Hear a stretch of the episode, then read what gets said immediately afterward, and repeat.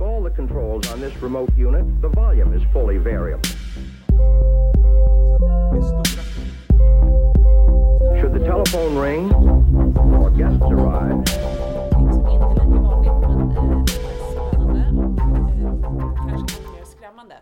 Vi har Martino som kommer från Neo. eh, och kommer att prata om det oväntat dåliga nyfödda barnet. Och det är ju ingenting som vi förväntar oss att ni som nyblivna primärjourer kanske ska ta hand om själva. Däremot så kommer ni vara med och hjälpa till i sådana situationer. Ni kommer vara med på jättemånga snitt, vissa kommer vara helt okomplicerade och andra kommer vara eh, sådana här fall kanske. Då får Ja. du den här och sen så har vi också den här för att det här är till inspelningen. vet. Spännande.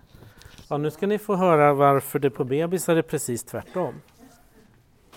Och det, det historiska som är lite kul det är att vi har våra HLR-algoritmer har liksom bytt plats med varandra och då har båda kommit rätt.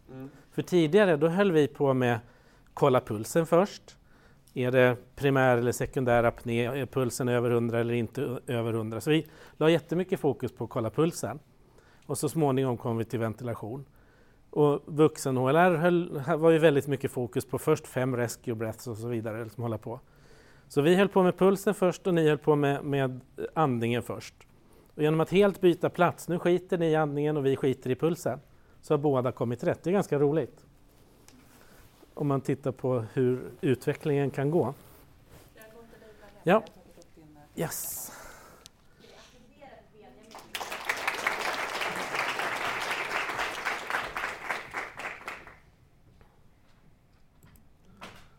Så där då, då ska vi se. Okej. Okay. Kan man bläddra med den? Ja, okej. Okay. Då ska vi se, då tänkte vi prata en liten stund och det är tur att ni är anestesiologer för då kan ni käka fort, eller hur? Precis som vi på Neo. Det där med lång lunch är överskattat, så man hinner få i sig sitt käk på fem minuter mellan olika grejer. Eh, jag tänkte ta mig friheten att dra över lite då om det är okej? Vad hade vi för plan? Till kvart över. Jag tror att jag behöver de där extra tio minuterna för det finns ganska mycket jag tänkte berätta för er. Är det okej? Så vi kör till strax innan halv någonting då. Bra. Ja, okej. Det här är läskigt, eller hur? Det kommer larm från barnmorskorna. Någonting inte kul händer på förlossningen eller på operation. Vad gör ni då? då? Springer dit med skakande ben, eller hur? Eller känner ni er jättetrygga med det här?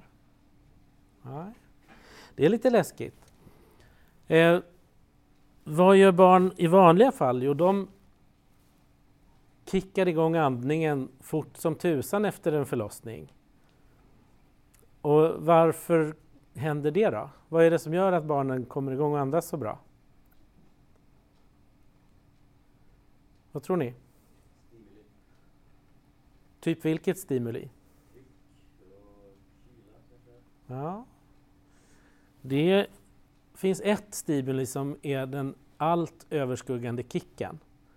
Och det är stressen att födas. Boosten av noradrenalin man får av en förlossning. Vet ni, kan ni tänka er att vad, vad är det jämförbart med? Är det jämförbart med att man badar bastu och hoppar i en vak? Mer eller mindre? Mer. Är det jämförbart med att eh, med den kick en födande kvinna har? Det är stresspåslag? Mer eller mindre? Ja. Vad tror ni att det är jämförbart med då? Nej, mer. Det är jämförbart med feokromocitomattacker faktiskt. Det är det enda som kommer i närheten. Eh, och det är en så fruktansvärd kick och därför ser ju barnen ofta ut så här. Liksom, de är verkligen på. Det första de gör är att vråla igång sin andning. Men när det inte händer, ja det är då ni blir tillkallade. Och då har ni ju liksom poäng, har barnmorskan tittat på barnet och de här poängsystemen känner ni till. Blir ni tillfrågade någon gång om vad barnet har för appkar? Mm. Det, ibland gör ni det. Oftast är det barnmorskan eller barnläkaren. Men vet ni var Apgar-poängen kommer ifrån? Någon som, kommer, någon som har hört talas om det? Är ni så hungriga så ni inte orkar svara? Det är bra. Virginia Apgar var narkosläkare och barnläkare på 50-talet och hon utvecklade den här poängen som vi alla använder nu för att bedöma nar narkosmedelseffekt på den nyfödda. Det här, så det här handlar egentligen om effekten av de medel som era kollegor tryckte i mamman under förlossningen eller under snitt och sånt som då ofta påverkade barnen och så gjorde man en sån bedömning. Eh, vi kommer att komma in lite på olika eh, opsan, exempel av det här. Men egentligen om man tänker på vad Virginia Apka pratar om så retbarhet det handlade om reaktionen vid djup sugning i näsan. Och det har ni kanske lärt er att det får man inte göra nu för tiden på bebisar. Så egentligen kan man inte bedöma retbarhet. Så nu gör vi det generellt med liksom hur, vad, säger, vad gör ungen när vi petar på den. Liksom. Ja, och sen kan vi komma ihåg det här med hjärtfrekvens vid en minut. Och lite sådana saker. När vi pratar mera. Men det som det handlar om, stressen att födas, kicken barnet får, allting handlar om att nu ska barnet börja andas luft. Det ska transformera sig från vattenvarelse med vattenfyllda lungor till andas luft. Det är liksom hela grejen med att födas. Och vätskefyllda lungor ska då eh, luftfyllas istället. Det är själva hela själva processen från när man ska ställa om från foster till att bli en, en vanlig människa. Och I viss mån så handlar det om squeeze. Man klämmer ju lite ut vätska ur bröstkorgen när man passerar födelsekanalen. Men det är inte det stora, utan det, den stora grejen är stressen, kicken med, med, med noradrenalin som vänder på de här akvaporinerna i, i typ 2-cellerna i lungan att sluta producera vatten in i lungorna. För det är det som huvudsakligen är fostervattnet. Det produceras lite genom att barnet kissas, kissar men mest genom att lungan producerar vätska. Typ 2-cellerna producerar vätska in i alveolerna och där jobbar barnet med sin fosterandning för att tänja och sträcka och, och, på, och utveckla lungorna under funktion. Men de här ska slå om och istället transportera vatten tillbaka åt andra hållet. Och den omställningen boostas extremt utav noradrenalinkicken. Därför planerade snitt leder till mera våta lungor hos bebisarna för den kicken uteblir. Och barnen som lyfts upp ur magen både ser förvånade ut och är det också fysiologiskt. Då finns det olika sätt att, att eh, försöka påskynda den här processen. Hur öppnar man en lunga som är våt och blöt på bästa sätt? Ja, det bästa sättet är inte att ventilera med mask och blåsa som vi gör, där man trycker i luft och så låter man den slå ihop igen och så öppnar man och slår ihop. Så att ett betydligt bättre sätt är då att använda PEP. Och här är ett litet exempel på kaninlungor, kaninfosterlungor. Det syns inte så jättebra. Men här har man tryck, peakventilation peak och PEP. Eller bara PEP. Eller inget, inget tryck och bara tryck. Och hur som helst så märker man att det som är bäst är... Nu ska vi se. Alltså det är jättedåliga bilder men på den här bilden ser man att det, det som är, fungerar bäst det är ventilation med PEP. Sen finns det andra eh, studier som visar att bara PEP, fast mycket högre, kanske är det som fungerar allra bäst. Och då kanske man skulle ha 20 centimeter PEP eller CPAP och låta barnen själv försöka, eller ja, kaninen eller vad det är, själv etablera sin egen andning men på en mycket högre PEP-nivå. Det, det öppnar snabbast upp lungan. Det är inget som används i kliniken ännu. Trenden är kanske att vi använder mer och mer. Tidigare använde vi 4 cm CPAP på, på CPAP-devicen som vi startade ventilation med och numera kanske vi använder snarare 5, 6, kanske 8. En liten trend bland tyskarna att använda mer än svenskarna av våra neonatologer. Så jobbar ni med DIRK eller ULF eller så, då kanske det, har blivit, det blir lite mera PEP. Men trenden är i alla fall att helt tydligt i alla fall är att det är bra mycket bättre att använda både topptryck och PEP.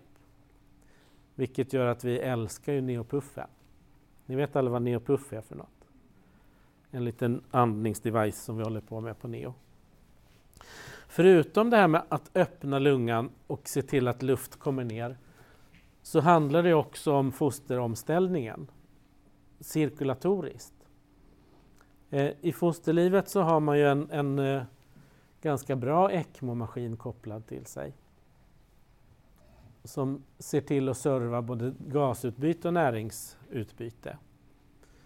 Och när då fostret föds så upphör ju den ECMOn. Det är som att klippa kablarna ganska plötsligt. Och det händer ju massvis då. Normalt så har vi försökt att mildra den här situationen när barnen mår bra genom att inte avla med en gång. Avnavla med en gång. Avla har de redan gjort, förlåt. Men att inte avnavla genast. Utan att fördröja avnavlingen och därmed ge barnen en, en fosterblodtransfusion. Den är ganska väsentlig. Hur mycket transfus transfusionsblod tror ni barnen kan få genom att avnavlas sent?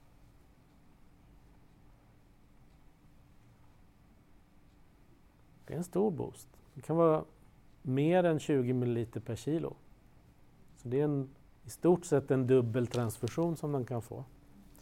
Och då är det inte gammalt slaskigt blod från blodcentralen utan då är det liksom fosterblod med fina stamceller och grejer i. Så det är liksom riktigt gottigt. Eh, det som är lite spännande är att de som verkligen skulle behöva det här, det är de som inte andas själv. Som nu avnavlas fort som ögat och bärs ut till något annat eh, barnbord. Och där finns det spännande data på gång om att det kanske är just de som skulle vinna mest på att resusciteras med navelsträngen kvar. Dels för att få tillgodogöra sig den här transfusionen men också för att resuscitationen är otroligt mycket mer effektiv när man har stöd på eh, venöst återflöde till hjärtat när det börjar jobba. Klipper man av navelsträngen så hör en stor del av, av det liksom förväntade återflödet till hjärtat. Det blir istället en ordentlig svacka innan motsvarande återflöde kommer från barnets egen kropp. Så att kanske snart kommer ni få se resuscitationsbord som vi rullar in på salen mellan mammas ben och, och börjar resuscitera med navelsträngen kvar. Det finns mycket som talar om att det är riktigt, riktigt spännande och betydelsefullt. Vi har inte börjat med det än. I Sverige, vad jag vet, du vet att det finns sådana försök som pågår i Holland. Eh, Australien också tror jag på några ställen. Så att det, det kanske är något kommande. Det blir ännu mer trångt på salen. Ja.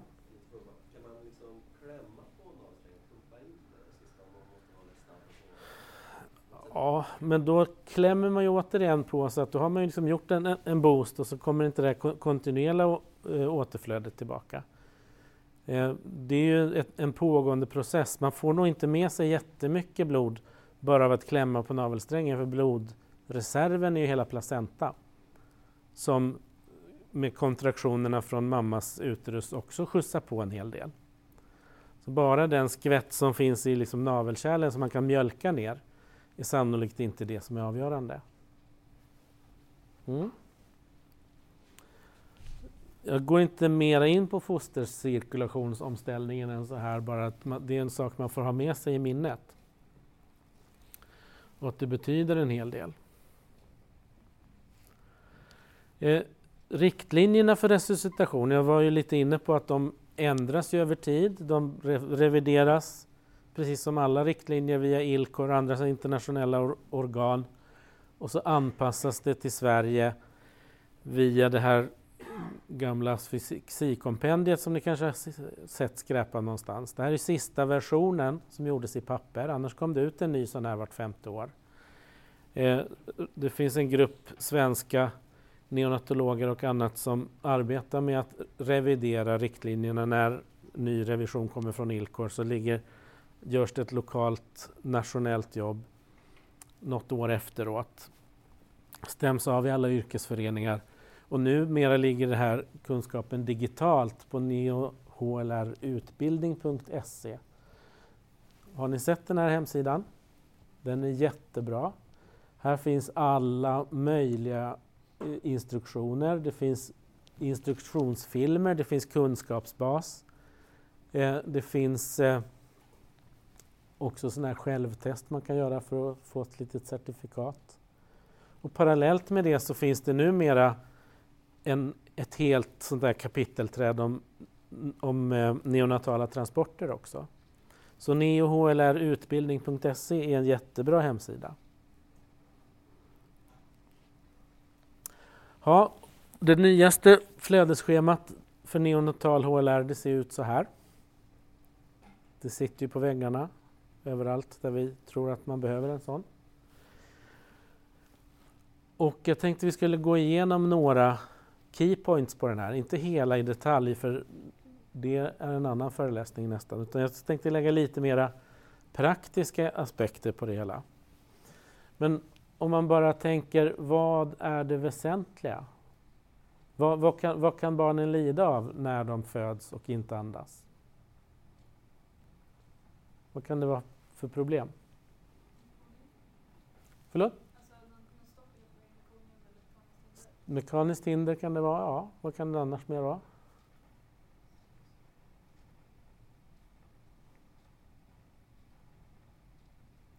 Metabola sjukdomar, hjärtfel, anemi. Ja, vad kan det mer vara? PPHN. Alla, alltså PPHN har de ju. Eller utan första P, de är ju foster. Så de har ju fostercirkulation. Och P, P i PPH handlar ju om att det är förlängd eller fortsatt fostercirkulation. Så de slår inte om. Det, det är ett av problemen, men så gör alla. Alla barn slår om fortare eller långsammare. Om de inte slår om i tid, ja det kanske beror på att de inte får luft. Egentligen, för er, skitsamma vad det betyder. Utan jobbar ni enligt ABC så kommer ni rätt. Och så kan era kompisar barnläkarna grubbla på vad det blir sen. För den första halvtimmen, det är faktiskt ingen skillnad var, var, vad det är som är problemet. D och E kommer sen. Så att fokusera på ABC. Och så har min föreläsaren innan hette han Benjamin. Han har pratat sig varm om C och sagt skit i, skit i A och B, det är inte så viktigt. Nu kommer jag säga precis tvärtom. Bro, bry er om A och B och skit i C, för C är inte så viktigt. Det kommer sen. Spännande va? Varför tror ni det är så?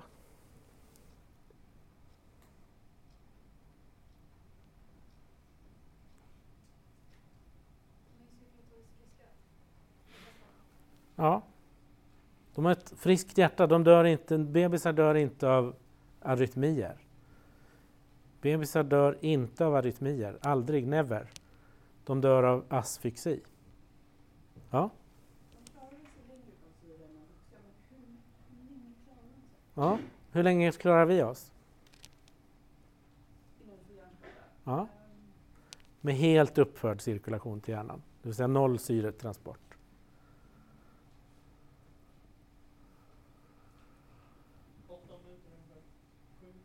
Klarar sig vuxna så länge? Det jag har hört talas om, om vuxna utan att kunna detaljerna, det är 3-4 minuter, sen börjar man få hjärnskador. Känner ni igen den siffran? Har den förändrats? Får ni lära er annat än vad jag fick lära mig? Åtta minuter på vuxen tyckte jag lät länge. Ja. Det kanske är en väldigt eh, barnslig vuxen, eller fostervuxen. Hur, kan man dubbla det då, fyra minuter? Kan vi dubbla det på barn, på nyfödda? Mer eller mindre?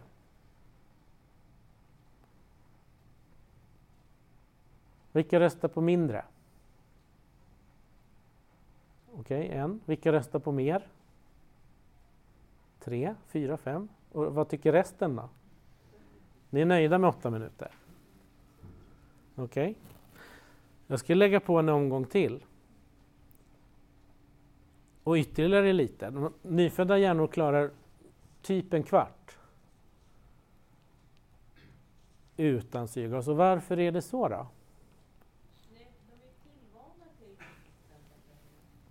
De lever under samma villkor som de här stackarna som klättrar upp på Mount Everests topp utan extra syrgas.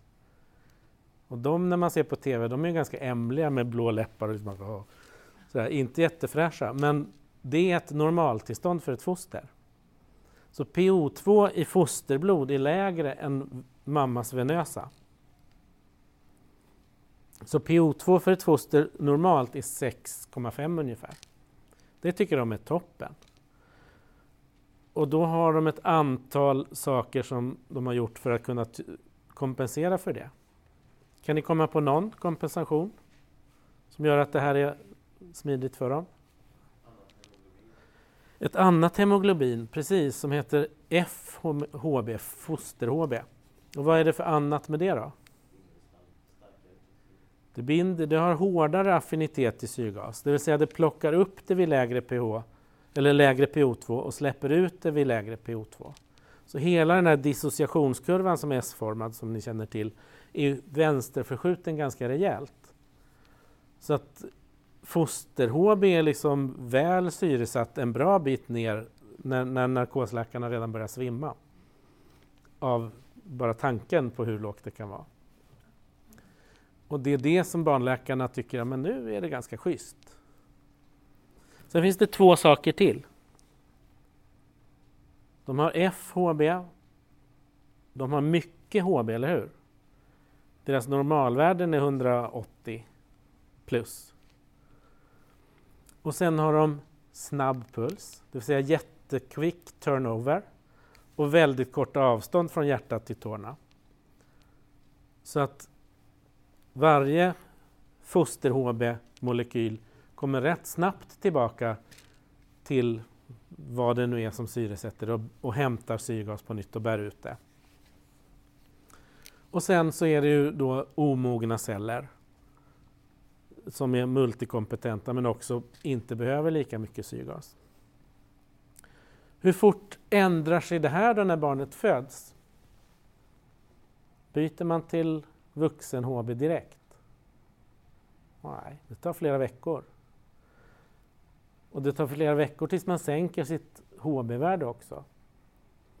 Så att det här gäller egentligen småbarn ganska länge.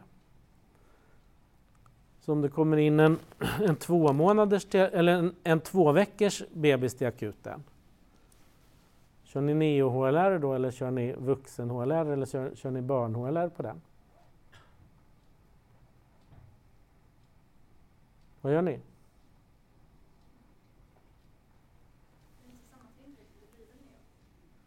Blir det? Barn-HLR säger att det gäller från 0 till 18 år. Så, så, barnläkarna som pratar om hur man ska göra på akuten, de har väldigt svårt att förstå att det finns någonting som gäller annorlunda än noll fast en bit framåt. Och vi har haft mycket slagsmål med akutpediatriker att försöka få upp tänket att en, en månads kanske fortfarande behöver neo-HLR-strategi. En halvårsbebis kanske också fortfarande behöver neo-HLR-strategi. För en halvårsbarnet dör inte i arytmier, nästan aldrig. Den dör i asfyxi som leder till asystoli. Det spelar ingen roll om man komprimerar den, den ska ha ventilation. Och 16.2, det är ju liksom ingen ventilation alls. Så på Karolinska har vi faktiskt efter många långa års kamp fått till att det finns ett PM, ni kanske har sett det på akuten, där neo-HLR gäller upp till en månads ålder. Kolla det, för det är inte alla som vet om det. Och där har vi gjort eftergiften att man kan börja med 100% syrgas istället för bara luft som vi tycker man ska börja med här. Det var ett litet sidospår, men det är ganska viktigt för att man måste förstå att det som gäller fostret och den alldeles nyfödda, det gäller ju liksom upp en bit i åldern också.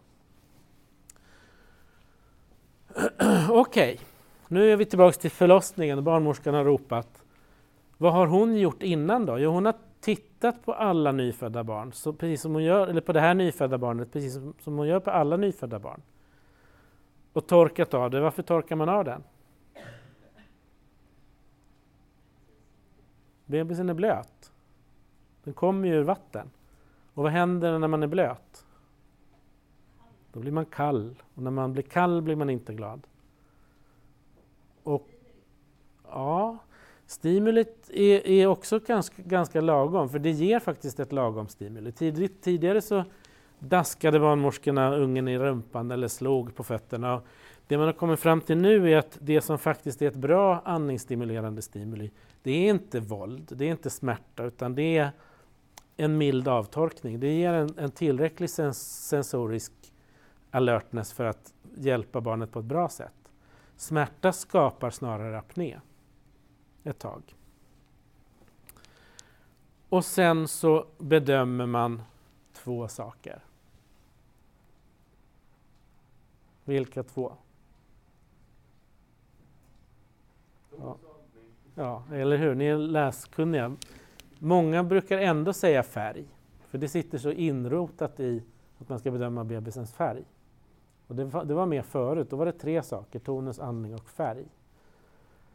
Vi har tagit bort färg och varför har vi gjort det då?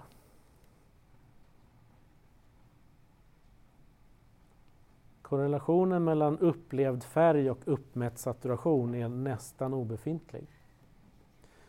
Det finns ett gäng i Australien som, som gjorde studier och, och visade videobilder på bebisars färg och bad vana neonatologer, anestesiologer, neosköterskor, barnmorskor att gissa saturation utifrån färgen.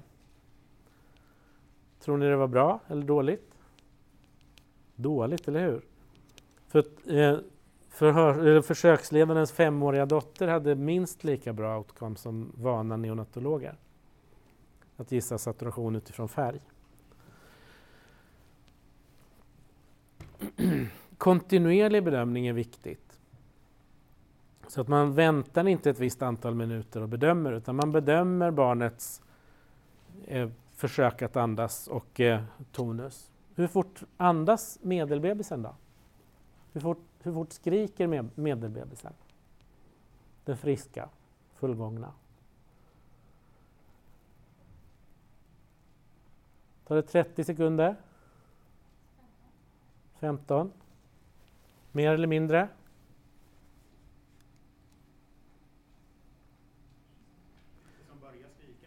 Tills de skriker, ja. Tills första skrik. Ja, de försöker ibland skrika redan när de är halvvägs ut, fast då hörs det inte så mycket för att det är ganska komprimerat. Medelbebisen skriker inom 10 sekunder. Och för att kunna skrika då har man liksom fyllt lungorna med luft ganska bra.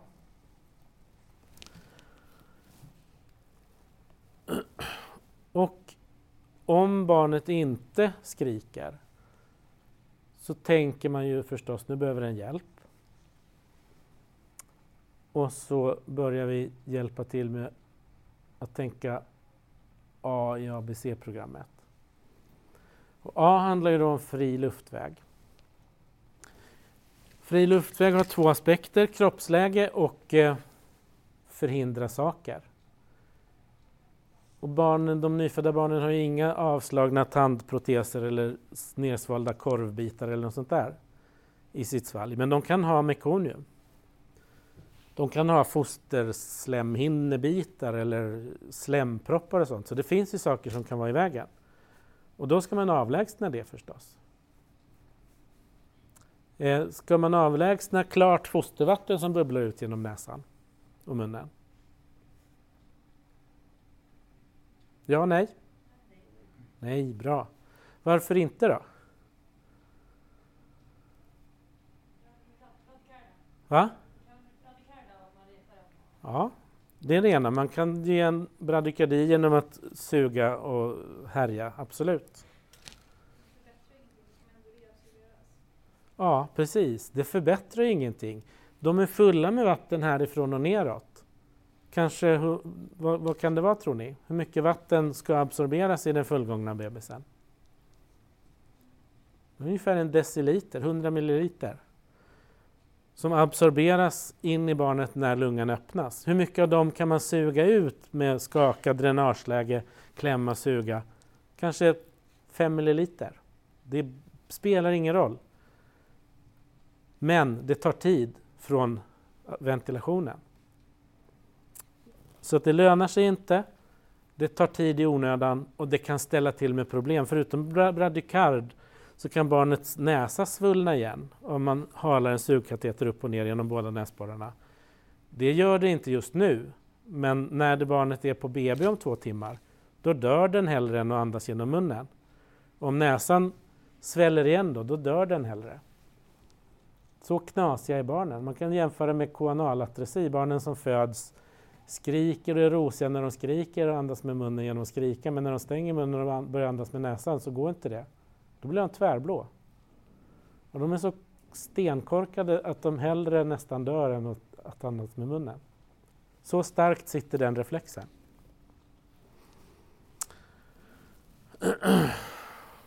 Mm. Hur länge är det okej att inte andas då? Jag kan göra en liten övning på er. Ställ er upp allihopa. Och så när, säger, när jag säger till så tar ni ett djupt andetag och håller andan så ska vi se hur, hur länge ni tycker det är okej att inte andas. Så. Okej. Okay. Ta ett djupt andetag och håll andan nu. Och när ni känner att ni vill andas igen, då bara sätter ni er ner och andas som vanligt. Ja, 10 sekunder är inga problem, eller hur?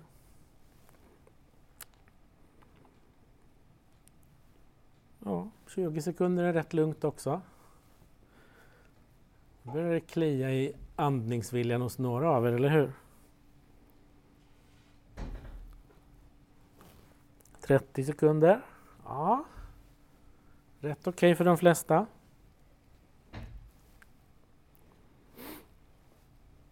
40 sekunder.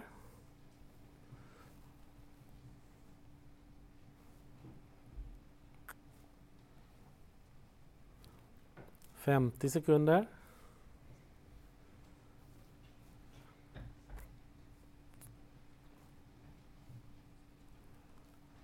En minut. Nu har i alla fall majoriteten tyckt att en minut är ganska bra. Och sen ska någon dykare eller yogamaster förstås vinna det här, eller hur? Ja, en och tio.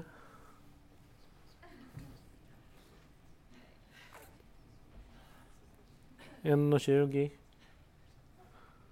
Ja, nu säger vi att det var oavgjort. Okej. Okay. Håller ni på med dykning eller yoga eller något? Ja, eller hur? Ja, men jag tror att de flesta som inte håller på med yoga, och det kan man, där kan man nog in, inkludera de flesta fostren, tycker att en, efter en minut vill man ju faktiskt ha lite hjälp med andningen. Och det är precis det som man har kommit fram till att inom max 60 sekunder från födelsen ska de som inte kommer igång att andas själv faktiskt få hjälp med ventilation. Då behöver man inte vänta så länge för att se vem som, har, vem som är ett yogaämne eller vem som ska bli dykare, utan är det uppenbart att den här kommer inte komma igång med andningen, ja, då, då går man igång direkt förstås.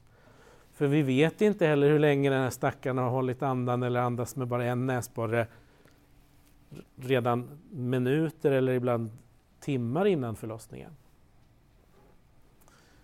Den här kan ha gått rätt mycket av de här reserverna, de, sex, de 15 minuterna som barnet har på sig, som redan har strykit med på vägen ut. Ja, och sen har ni just fått lära er inte mer än 10 per minut. Jag blir helt knottrig för att jag skulle säga inte mindre än 60 per minut. Och utifrån den föreläsningen jag fått itutat er förstår jag att det, att det känns jättejobbigt för er att börja ventilera 60 plötsligt. Och vi barnläkare tycker liksom, men hallå, jag sa fort och det här är inte fort. Och ni tycker det är skitfort liksom. Så därav den lilla kommunikationsproblematiken. 60 per minut är en per sekund. Lika mycket in som ut brukar jag tänka på. Och så på neopuffen då så är det liksom fingret upp och ner. Och då brukar jag tänka små ramsor så här, vad kan passa? 2001 brukar vara ett vanligt sätt att tänka sekunder, men då är det liksom tredjedelar. Du, ska det vara 2001, då blir det för lite in, eh, ut och 2001, då blir det för, för mycket ut. Så jag brukar tänka gin och tonic. Gin och tonic, gin och tonic, gin och tonic. Hur funkar? På SÖS, mina kepskollegor, de brukar köra pilsnerflaska, pilsnerflaska, de är lite mera SÖS på, på det viset. Eh, men tänk er någon slags ramsa som, som hjälper er att tänka en per sekund, hälften på, hälften av, fingret på neopuffen. Och det är mycket fortare än vad många narkosläkare tror. Eh, och vad är det bästa tecknet på att ventilation hos en nyfödd är effektiv?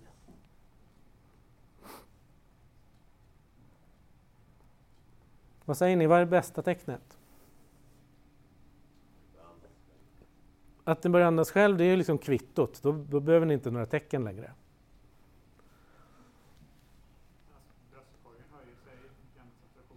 Att bröstkorgen höjer sig, om man tänker en tidigt född bebis, om man ventilerar så att bröstkorgen verkligen höjer sig, då är ventilationen för stor. Eh, bröstkorgsrörelserna kan man så småningom se och de blir allt tydligare, men är bröstkorgsrörelserna för tydliga från början, då har man antagligen överventilerat barnet. Eller gett för stora bolusar. Vad sa du? Färgen sa jag just, det är skitsvår att avgöra. Det går inte att gissa. När färgen är uppenbart rosa, eller röd, då har ni gett för mycket syrgas. Och då har ni redan bråkat med barnläkarna ganska länge. Pulsen, yes, nu kommer pulsen in. När vi har påbörjat ventilation, då börjar vi efter, efterkolla hur är det med pulsen. Och stigande puls, eller normal puls, då vet vi att ventilationen är bra. Och puls som inte stiger på ventilation, vad, vad kan det vara tecken på? Nej. Otillräcklig ventilation. Så en puls som är 80 per minut och som inte stiger medan man ventilerar. Då ska man först tänka, är det verkligen A-fritt? Har jag koll på A? Har jag koll på B? Får jag ner luft? Och då får man gör, jobba med alla de andra sakerna. Är, det, är masken tät? Har, har jag ett bra grepp? Lyssna, prasslar det lite? Titta på bröstkorgsrörelsen noga, kanske från sidan. Ja, men det höjer sig faktiskt. Då är vi på gång. Och då är vi på gång åt rätt håll. Eh, men pulsen är bra. Och när pulsen börjar komma sig, ja.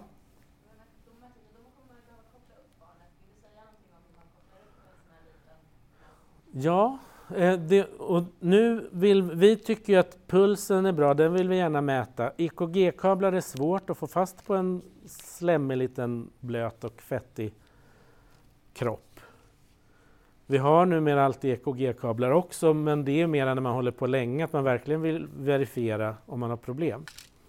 Men det bästa sättet att få en puls är att faktiskt sätta på en saturationsmätare. För det nästa vi vill efterfråga det är hur är det med saturationen, är den också på gång? Eh, vet ni hur man sätter på en, saturationsmä en saturationsmätare så att det, det, blir en adekvat signal? Vet ni det? Ja, du nickar? Det är det näst bästa. Det näst bästa är att göra som du sa. Sätt på saturationsmätarproben på barnet, sen slår ni på maskinen. Och varför är det näst bäst då? Nej, det näst bästa är att då startar maskinen, hälsar välkommen, berättar kort om sitt företag, gör en inre, intern kontroll och sen börjar den analysera kurvan. Och så småningom så blir det en adekvat signal. Finns det något sätt att göra det bättre? Ha maskinen på, sätt på proben men inte ha den connectad till maskinen. Om maskinen är igång redan har hälsat från sitt företag och gjort den interna kontrollen och saturationsmätaren kopplas på barnet innan den dockas ihop med maskinen. Då är det första signal som maskinen får mäta är en adekvat signal. Och då börjar den tänka, är det här en adekvat signal? Och så bestämmer den sig för, ja det är det. Och sen kommer en siffra ungefär inom 20 sekunder. Men så lång tid tar det. Och om man har maskinen igång, sätter den på barnet, väntar 15 sekunder, det händer inget. Man plockar bort den, flyttar, tar till ett nytt ställe. Maskinen tycker shit, var den nya eller gamla signalen det som vi ska mäta på? Så börjar den kolla och så bestämmer den sig, okej okay, den nya signalen är bra. Nu ska vi börja analysera. Då har någon tröttnat igen, tagit bort den, satt den på något annat ställe. Så att ha allting på gång och saturationsproben blinkandes, lysandes i sängen så som man oftast ser, eller för ofta ser. Det är det sämsta sättet. Då kan man stå flera minuter och plocka runt den mellan olika ställen. Man kommer inte få någon signal. Så att bra i alla fall. Det näst bästa sättet är ibland gott nog. Okej? Okay? Så när pulsen mäts och man börjar få en eh, puls som stiger, då är vi nöjda. Säkerställ effektiv ventilation. Koppla saturationsmätare, kopp, överväg att koppla EKG. Ska man göra ett, koppla EKG då får man liksom gnugga rent barnet ordentligt och då går det att få fäste. Och puls som inte stiger ska inte vara så, shit nu måste vi komprimera, utan ventilera vidare, utvärdera. Hur länge ska man ventilera adekvat innan man ger upp om att pulsen inte kommer att stiga? En minut, yes. Och då är det inte en minuts försök att ventilera utan det är en minuts säkerställd effektiv ventilation. Och här gör de allra flesta fel när det blir fel. Det här är en kurva som visar det normala barnet, den som skriker inom 10 sekunder. Den medelbebisen, om man mäter på den, har faktiskt inte mer än just en bit under 100 i puls. Så det här med en skrikande bebis som är rosa och fin, säger man liksom Apgar 10, 10, 10, ja det är inte säkert för det har man inte kollat. Medelbebisen har inte två för hjärtfrekvens vid en minut.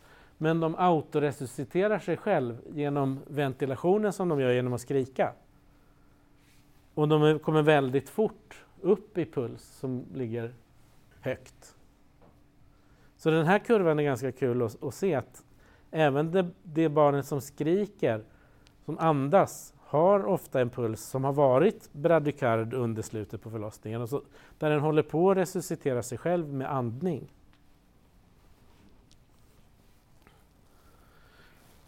Hur kan vi ventilera om det är svårt då? Mask och blåsa på neopuff, eller mask och neopuff är ju det vi liksom har som standard. Är det svårt så kan man ju använda alla trick som Benjamin visade på sin ventilationsbild. Laringsmask funkar jättebra. Vi är inte vana vid det, men det funkar jättebra. En kollega till mig från SÖS som heter Nikolas Pejovic, han har gjort en studie i Uganda där man resusciterar alltid med laringsmask istället för mask och blåsa. Det är skitbra resultat. Det är mycket enklare att få en laringsmask tät än att få en mask och blåsa tät. Och då har han använt iGel, den lilla iGel 1 eller vad den hette. Den funkar ju runt 2-3 kilo. Men den funkar ända ner till 1 kilo också om man trycker till lite. Och det, det är sällan att man kan göra något fel med en iGel. Den är väldigt lätt att stoppa i. Vi har iGel i alla våra akutbord men vi använder den nästan aldrig. För att vi är så vana vid att tänka mask och, mask och neopuff. Man kan göra neopuffen på iGel också så har man alla fördelar av neopuffen kvar. Man kan också ventilera med tub i bakre svalget som en kantarell. Då får man ju fri luftväg. Då behöver man å andra sidan nypa ihop mun och näsa. De är ganska sladdriga. Men fördelen med det är att man lyfter upp ordentligt då när man gör det och på det sättet skapar sniffing position på barnet och gör fri luftväg där bak. För det är det vanligaste felet jag tycker man gör när man ventilerar med mask och blåsa, att man trycker till så hårt. Att man pressar ner hakan. Sniffing position på bebisar, det är liksom neutralt och så framåt. Det får man genom att lägga barnet platt på rygg utan handduk, handduksrulle under och balansera upp det stora huvudet rakt fram. Då trycker ju stora bakhuvudet upp hakan i en sniffing position. Men man behöver oftast, för att det är rätt slappt när, man är, när barnet är livlöst. Men sluta. Så lyfter man fram så. Och då blir det bra. Lite tricks. Och när ska man intubera då?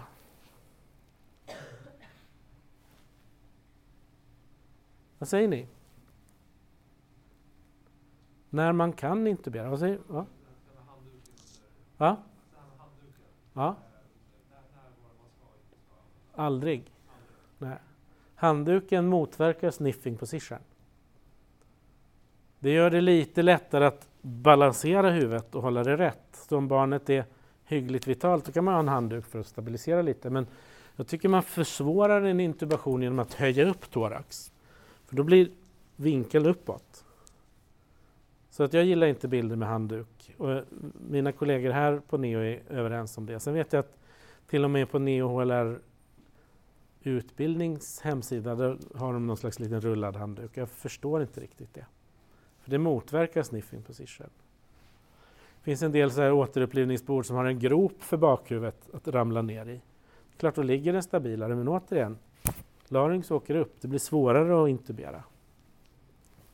Min åsikt, eller mångas våran åsikt, men som, som alltid i sånt här så finns gamla saker ofta kvar. När ska vi intubera då? När ska vi gå på lunch? Det börjar man ju också undra snart.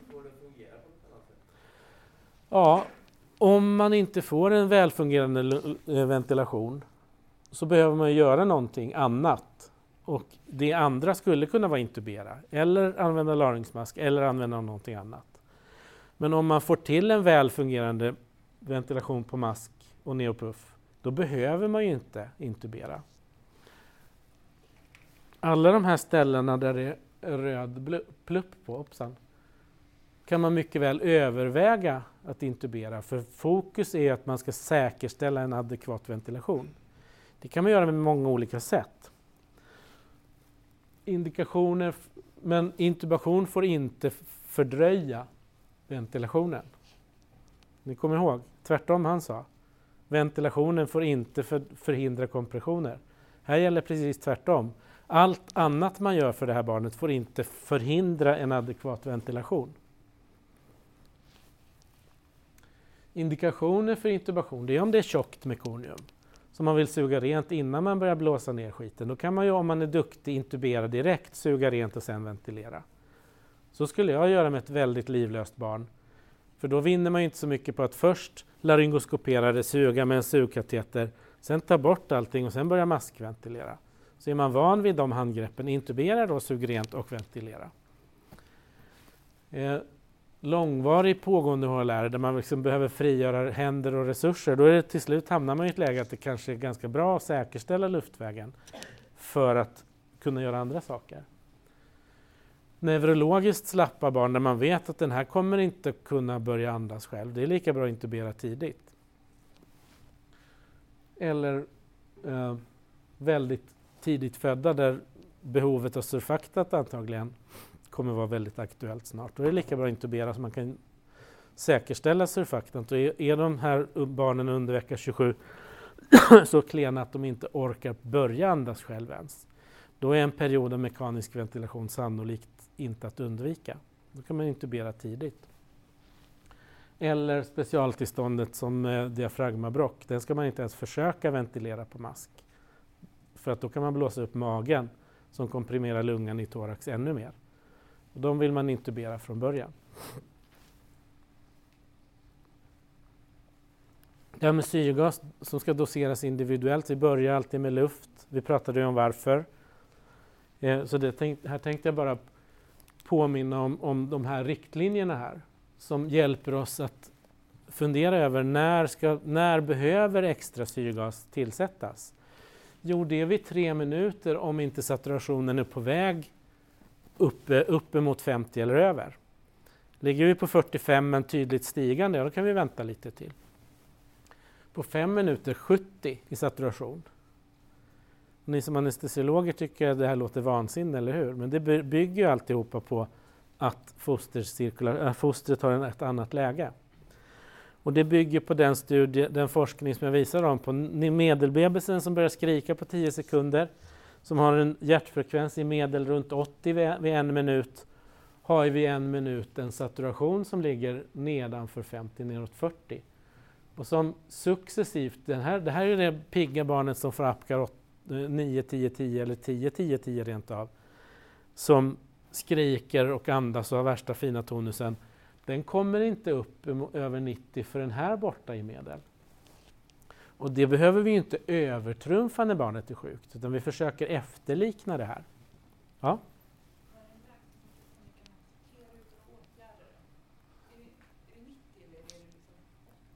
När då? Alltid? När barnet har kommit ut så... Ja, men den, den här Eh, ursäkta. Eh, den här bebisen, alla de här bebisarna är ju de bebisar som skriker vid 10 sekunder. Så all, alla de här saturationerna härifrån och hit accepterar vi utan åt, annan åtgärd än att den hämtar sig.